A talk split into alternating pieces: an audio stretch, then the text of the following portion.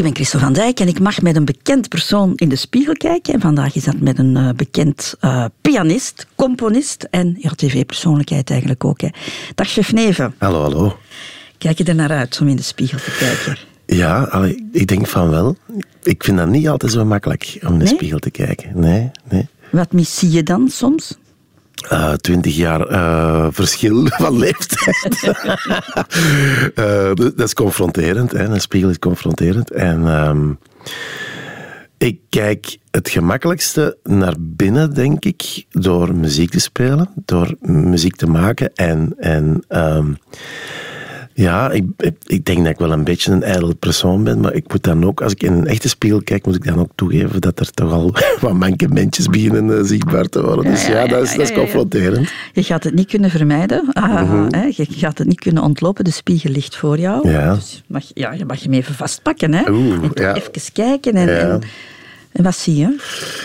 Oeh, ehm, ik zie ehm, op dit moment eh, nog on, eh, enfin, iemand die wat te weinig geslapen heeft. Wat zie ik nog? Ehm, een kilo of vijf te veel, dat zie ik ook. Grijze haartjes die er stilletjes aan beginnen bij te komen. Ja, Kan je ook iets positiefs zeggen? ja, jawel. ogen die lachen, denk Ja. ik. Hè? Eh, Ja. Dat wel. Ehm, en eh, ik zie wel een gelukkig, een gelukkige persoon in die Ja, spiegel. dat straal jij wel uit. Hè? ja, ja. Ik vind dat ook zo optimisme ook. Hè? Ja, ik, ik, ik, ehm, ik vind dat je dat aan jezelf verplicht bent. Eigenlijk. Je leeft maar één keer. Als je de kans hebt, als je die kracht in je vindt, dan moet je toch proberen eh, positief in het leven te staan, vind ik. En kost jou dat moeite of is dat Nee. een aangeboren talent? Ja, ik denk dat dat een beetje... Ik heb, dat, dat heb ik wel wat meegekregen in mijn genen, dus dat is goed. Dat, dat, dat- dat- daar moet ik niks voor doen. Ehm, en ehm, positivisme is ook een... ehm, is ook een hoe zeg je dat? Eh, ja, dat is, dat is een basis, basishouding, toch? Dat is, als, je, als je positief in het leven staat, dan heb ik ook het, het idee dat er eh, veel positieve dingen terugkomen. Dat is zo dat gezegde van wat dat je zaait, dat je de oogst. Wel, ik, heb, ik heb dat gevoel ook wel dat dat klopt. Heb je altijd zo in het leven gestaan? Of is dat iets van de, van de laatste jaren? Ik ben mij de laatste jaren er bewuster van geworden, dat wel. Ik denk dat ik daar vroeger als kind niet bij stilstond. Hè. Je, je begint met pas over die dingen in het leven na te denken nadat er toch al wat jaren op je teller staan. En ook doordat je ehm, af en toe mensen moet afgeven hè, op, je, op, eh, op, je, op je levenspad. Ik ben bijvoorbeeld eh, vorig jaar mijn allerbeste kameraad eh, verloren. Die is 47 jaar geworden. Die is heel plotseling gestorven. Ehm, die zat in een zetel, die had een trappist opgetrokken en plots kreeg hij een attack en was hem er niet meer. En dat was echt zo een, een zielsbroer. Dat was, dat was eigenlijk... Ik heb twee echte broers, maar ik noemde de Koen toch altijd mijn, mijn derde broer zo. En doordat je dan een keer beseft dat dat kan gebeuren in het leven, ehm, eh, geeft dat voor mij toch heel duidelijk het signaal van je moet elke dag genieten. Als je gezond bent en je, je mag dingen doen die je graag doet, je bent, je bent omringd met mensen die je graag ziet, dan is dat het schoonste cadeau dat er is. Mhm. Een schonere cadeau bestaat er niet. Eh, dat is het leven, daar gaat het over. Ja. Ben je ook zo opgevoed met, met die mentaliteit? Ik denk dat wel. Ik denk, ik denk wel dat mijn ouders ehm, vanaf het begin heel duidelijk hebben gemaakt dat als je ehm, gezond bent en als je eh, iets mocht gaan doen in je leven dat je graag doet, dat je, heel, dat je eigenlijk heel rijk bent. Mijn twee ouders hebben bijvoorbeeld altijd ehm, lesgegeven in het bijzonder onderwijs aan zwaar mentaal gehandicapte kinderen. En eh, ik herinner mij als kleine dat ze zeiden van kijk, jullie hebben eigenlijk ongelooflijk veel geluk dat jullie, ehm, bij wijze van spreken, al een stapje voor zijn eh, op vele andere kindjes, omdat je, omdat je gewoon gezond bent. Waren jouw ouders ook zo, zo open en, en zo tolerant toen je hen eh, kwam vertellen van eh, papa en mama, ik, eh, ja, ik val niet op meisjes, ik, ik, ik val op jongens? Eh, mijn moeder, die was vanaf de eerste seconde open. Die zei van, ah, ik ben blij dat je dat vertelt, want ik had het gevoel dat, dat, je, dat je iets aan het verbergen waart. En nu weet ik tenminste wat dat was. Mijn vader heeft, die is nooit niet ziek geweest, maar echt nooit. Die heeft, denk ik, twee weken in zijn bed gelegen toen. Niet dat hij mij iets verwijtte, maar hij had tijd nodig voor dat zelf een plaats te geven.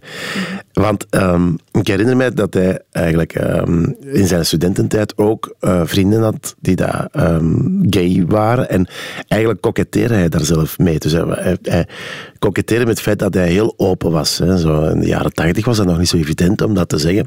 En mijn vader die, uh, die maakte daar geen, geen geheim van. Van ja, kijk, ik heb ook mijn, uh, vrienden uh, die, dat, die dat voor de mannen zijn. En, maar als het dan uw eigen zoon komt vertellen, is dat nog een ander verhaal. En als klap op de vuurpijl, want mijn vader is nogal een, uh, nogal een black en dekker, nogal een testosteronmannetje zo. En in alle liefde gezegd trouwens, maar hij heeft dan drie zonen, waarvan het er dan twee voor de mannen zijn. Want dus uh, Bert, mijn, mijn tweede broer, die, die, is ook met een man samen. Dus dat is eigenlijk heel grappig hoe dat, dat dan in dat gezin toch een heel andere wending heeft gekregen. ja.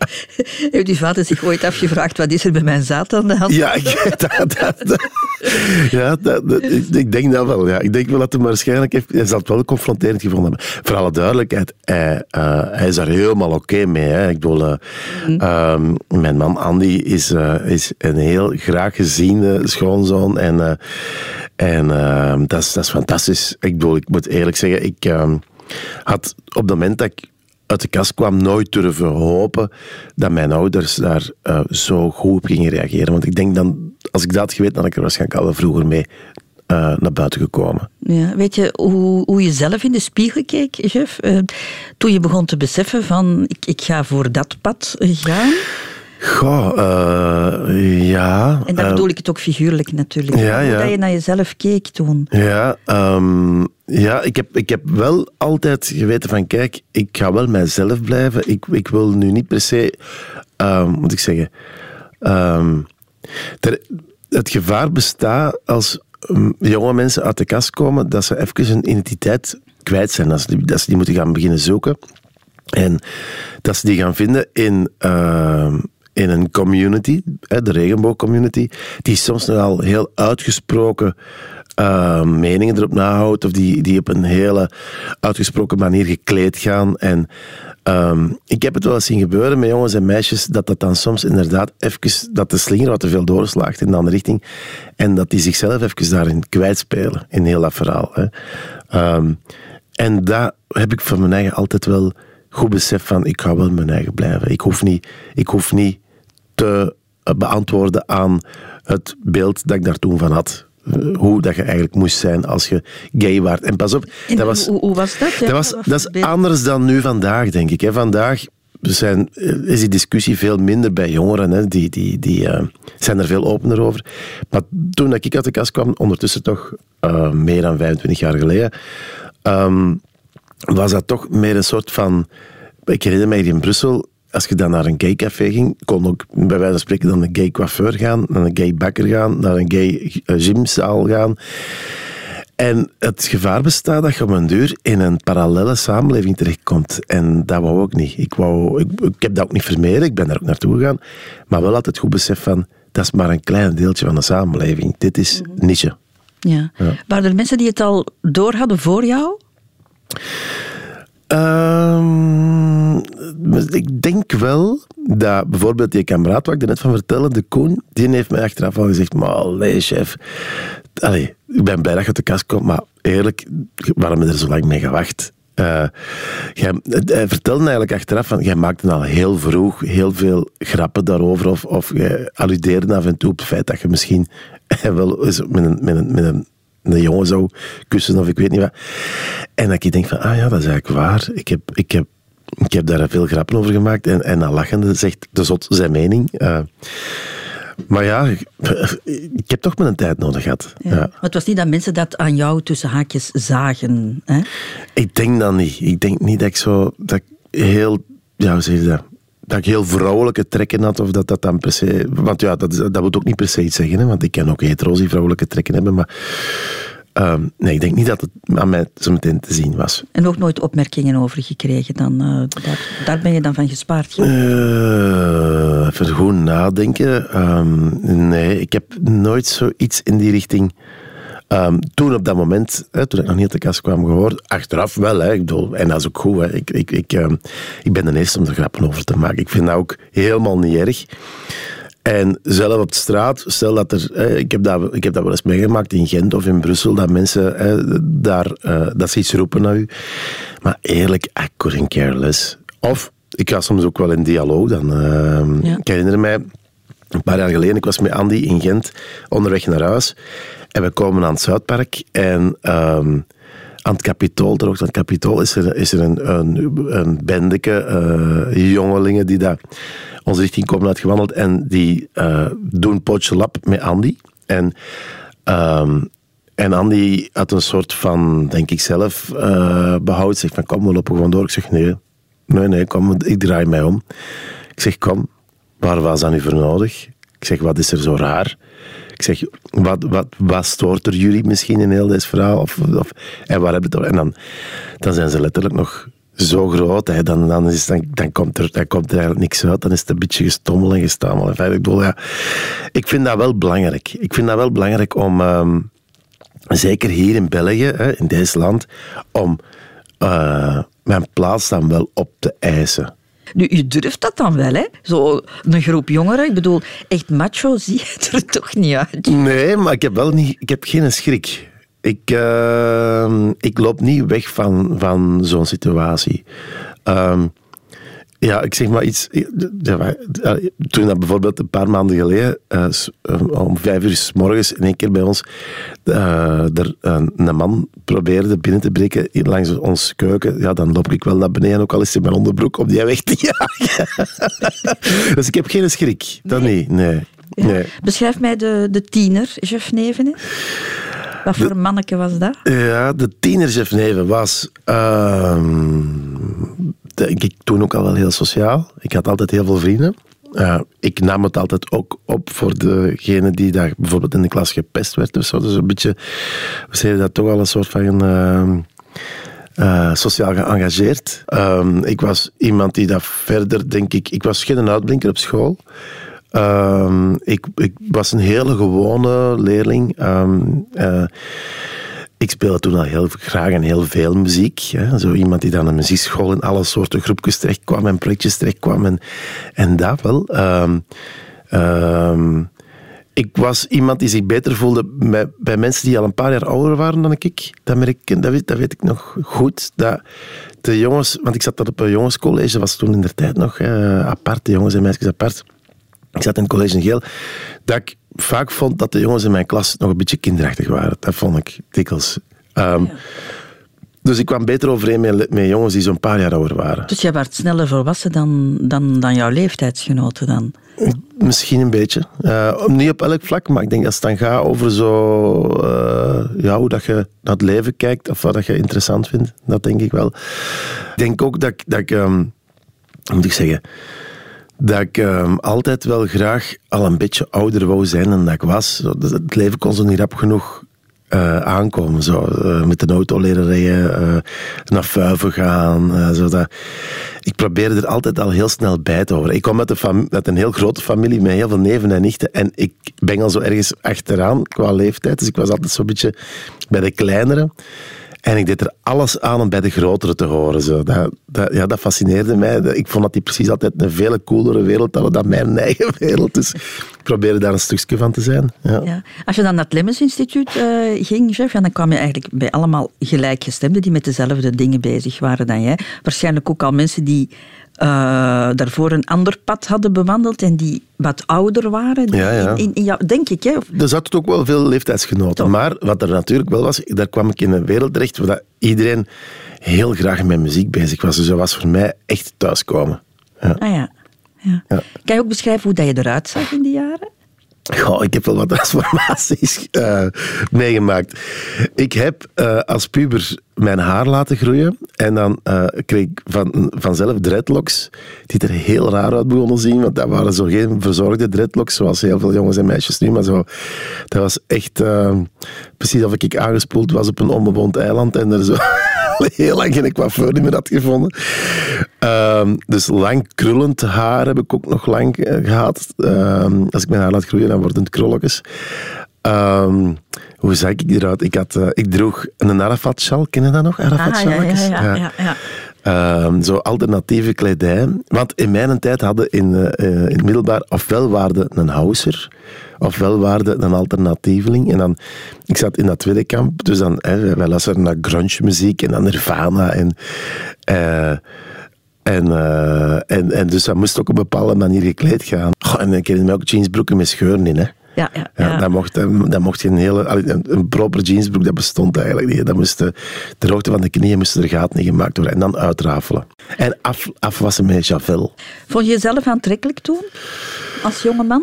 Oh, nee, ik heb niet bepaald. Enfin, of ook niet onaantrekkelijk. Ik had daar niet echt zo'n idee over. Ehm, ik moet wel achteraf gezien wel zeggen dat ik altijd mooie, mooie lieven heb gehad. Dat vind ik wel. Dus, want dat waren, toen in die tijd waren het nog meisjes. Ik herinner mij wel dat, dat, dat ik vaak een knap lief had eigenlijk. Vaak die waar heel school achterliep en dan kwam die toch naar mij. Ehm, en achteraf, als ik, toen ik uit de kast kwam, ehm, ik mag eigenlijk niet klagen. Ik heb altijd wel zo achteraf gedacht van, amai, hoe heb ik dat hier voor elkaar gekregen? Zo. Dat is wel... En nog steeds, ik vind dat, dat Andy, dat, dat ik een hele knappe man heb. Een hele schone man. Ja, ja, ja. Mooie, reizige, grote man, hè? een stuk groter dan jij. Een ook. beetje groter dan ik, ja. En, ehm, en eh, zeer goed eh, voorzien van poren en noot. Oren en poot.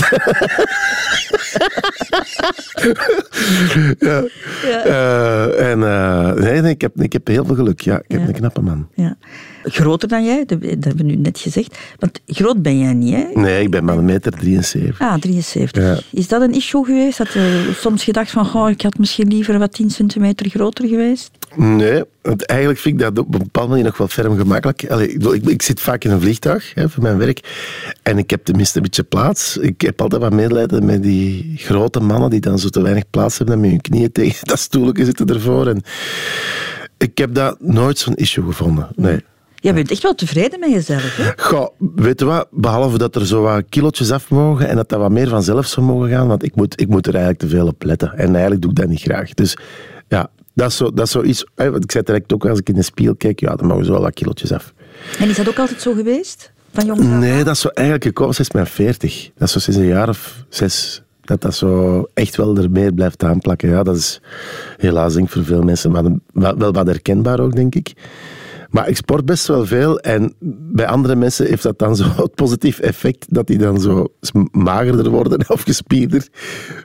bij mij is dat gewoon, dus jij sport veel. er gebeurt niks.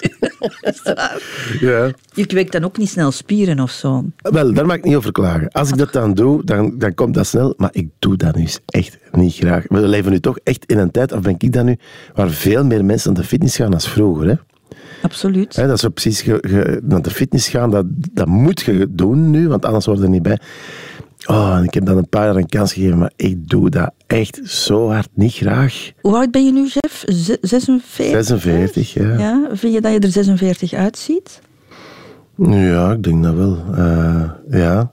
Ja? Dat is, is dat, ik vind dat moeilijk om te zeggen. Zeg jij het eens, zie ik er 46 uit? Ah, wel, ik vind dat jij eh, absoluut al om te beginnen geen 46 eruit ziet. Nee, ik zou Ah, ja. jou, als ik jou niet zou kennen, zou ik jou jonger schatten. 45. Eh, zelfs no- no- nog jonger, denk ik. Maar wat dat jij hebt, vind ik, is ja, iets, iets tijdloos ook. Ah, echt? Amai, vind ik wel heel lief. Ja, ik, ik denk dat dat is omdat jij ook iets schuitigs... Ja, ja. Ja, dat kan. Ja, ik, 46. Ik moet eerlijk zeggen, ik, dat is een typische. Hè, want eh, veel mensen die zo... een- die geen 22 zijn, die zeggen, ja, ik, ik tel niet meer. Hè, zo van, ik, ik, ik, ben, ik ben gestopt om mijn leeftijd te tellen. En dat klopt bij mij ook. Ik, ik wist nog heel goed wanneer ik 40 werd, dat dat zo... Ik vond dat eigenlijk een heerlijke, een heerlijke verjaardag. Ik heb geen midlife crisis gehad op mijn 40, ik had dat op mijn 30. Mijn 30 dat vond ik veel moeilijker. Ja? Omdat je dan zo precies afscheid moet nemen van, definitief afscheid moest nemen van je jeugd of zoiets. Terwijl, ja, eigenlijk is dat ook een dagelijk als een ander. Maar daar heb ik zo toch een jaar of twee mee gestruggeld, eerlijk gezegd. Maar 40, dat vond ik helemaal niet erg. En sindsdien ben ik een beetje inderdaad een tel wat kwijt. Allee, eh, als ik erbij stilsta, denk ik van, kijk, ik, ga nu- ik ben al dichter bij de 50 dan bij de 40, maar tegelijkertijd, I couldn't care less. Maar ja, eigenlijk vind ik ouder worden niet zo erg. Uh, Integendeel, ik heb het gevoel dat ik ehm, rijker wordt door ouder te worden. In de zin van, je hebt meer ervaringen, je, weet al wat meer wat je wilt en wat je niet wilt, wat je gaat vermijden op je pad in het vervolg. Zo. Je moet niet meer tien keer tegen dezelfde steen lopen. Mm, Wat vind ik moeilijk aan ouder worden? Ehm eh, weet je, ehm, de onbezonnen jeugdigheid, dat heeft natuurlijk wel iets. Dat heeft iets, hè. zo gewoon van... eh, eh, ik, ik spring wel en ik zie, ik zie wel waar ik uitkom. Dat, dat soort van eh roekeloos enthousiasme, dat heb ik wel wat minder dan Ja? vroeger. Ja, ik ben toch wel een beetje voorzichtiger geworden met bepaalde dingen. En dan, soms ben ik vol bewondering aan het luisteren naar, naar jonge gasten die dat totaal nog niet hebben, die, daar, die er nog vol een bak voor gaan. Zo. Ja, ja. Nu, 46 is een mooie leeftijd, inderdaad, omdat je al een pad hebt bewandeld. Hè. Je hebt ook jezelf al wat bewezen. Maar er kan ook nog wel veel. Hè. Ja. Het is niet een eindpunt. Hè. Je, je, je kan nog andere paden inslaan, niet meer alles, maar goed. Ja, ja. Ik, ik, heb, ik heb eens door eh, een kameraad ooit laten vertellen, goh, eigenlijk hebben wij wel geluk met het genre muziek dat wij spelen. hè. In mijn geval eh, toch vooral nog altijd jazz of, of klassieke muziek zelf. Want dat is muziek waar dat je oud mee mocht worden. En dan denk ik wel, ah ja, dat klopt wel. Want stel nu dat je... Alleen met pop eigenlijk ook, wat ben ik niet aan het vertellen. Ik wil maar zeggen, voor sommige artiesten is het toch moeilijker om ouder te worden, denk ik, dan, dan in mijn geval met mijn beroep. Ja, ja. En niemand gaat dat raar vinden als ik op mijn 80 nog altijd achter een piano zit en, en klassieke muziek of jazz zit te spelen. Maar voor sommige artiesten denk ik dat dat toch wel een issue is of zo. Ja, niet alleen voor artiesten, denk ik. Ik denk dat heel veel mensen met het ouder worden wat schrik hebben om impact te, te verliezen. Ja, ja, ja. Om, om, om nog gehoord te worden, om... Is dat niet onvermijdelijk bijna? Is dat niet bijna voor iedereen zo? Allee, eh, bijvoorbeeld, eh, want je hebt nu kinderen, maar ik heb geen kinderen. Ik heb wel al eens gedacht van ja, binnenkort, ah, ja, binnenkort, er komt een dag aan waarop dat Andy en ik thuis gaan zitten en dat er geen kinderen zijn die daar op bezoek komen. Dat eh, kinderen van mijn broer dan, ja, dat die daar hun kerstdag gaan vieren en dat die zelf een gezin hebben gesticht.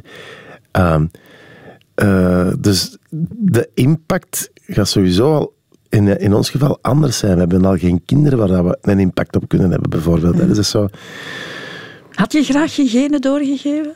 Oh, eh, ik denk als Annie en ik elkaar wat vroeger hadden leren kennen, dan hadden wij zeker kinderen geadopteerd. Geadopteerd, ja. Ja, dat is ook ja. niet genen doorgeven natuurlijk. Letterlijk dan ja, niet, maar wel. dan hadden we wel kinderen in ons leven gehad. Ja, dat denk ik wel.